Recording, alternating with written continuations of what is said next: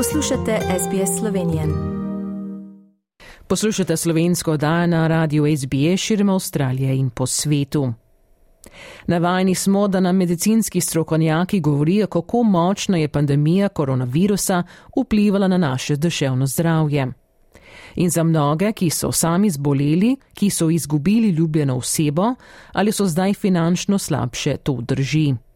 Toda nova raziskava razkriva, da se vsak tretji zdaj počuti bolje kot pred pandemijo. To prilogo je za SBS News iz BBC-a pripravila Stephanie Hagerty.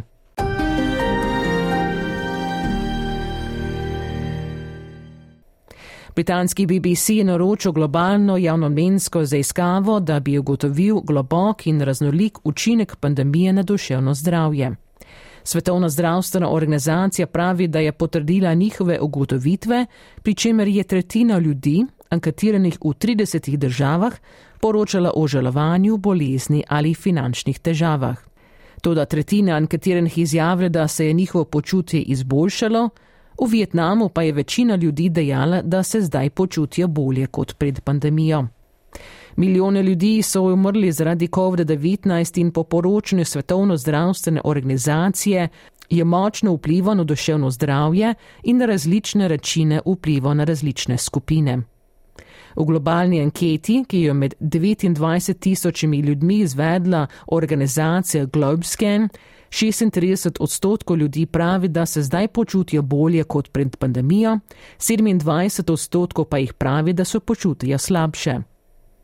Ljudje v gospodarstvih v razvoju so najverjetneje rekli, da se počutijo bolje. Nigerija, Indija in Egipt so prišli na vrhu.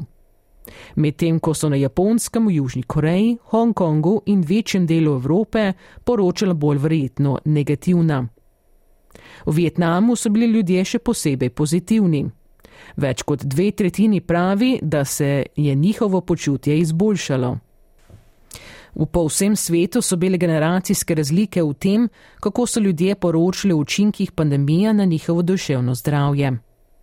Mladi med 18 in 24 letom so veliko pogosteje rekli, da je imela pandemija velik vpliv na njihovo duševno zdravje, bodi si pozitiven, bodi si negativen.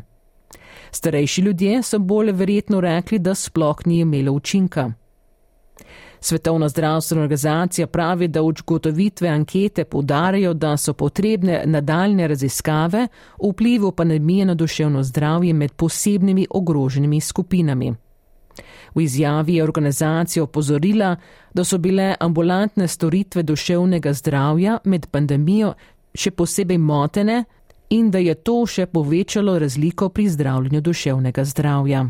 Future studies should therefore focus on scaling up mental health services and psychosocial support as a fundamental component in preparedness and response plans for future public health emergencies. Všečkaj, deli, komentiraj. Spremljaj SBS Slovenijo na Facebooku.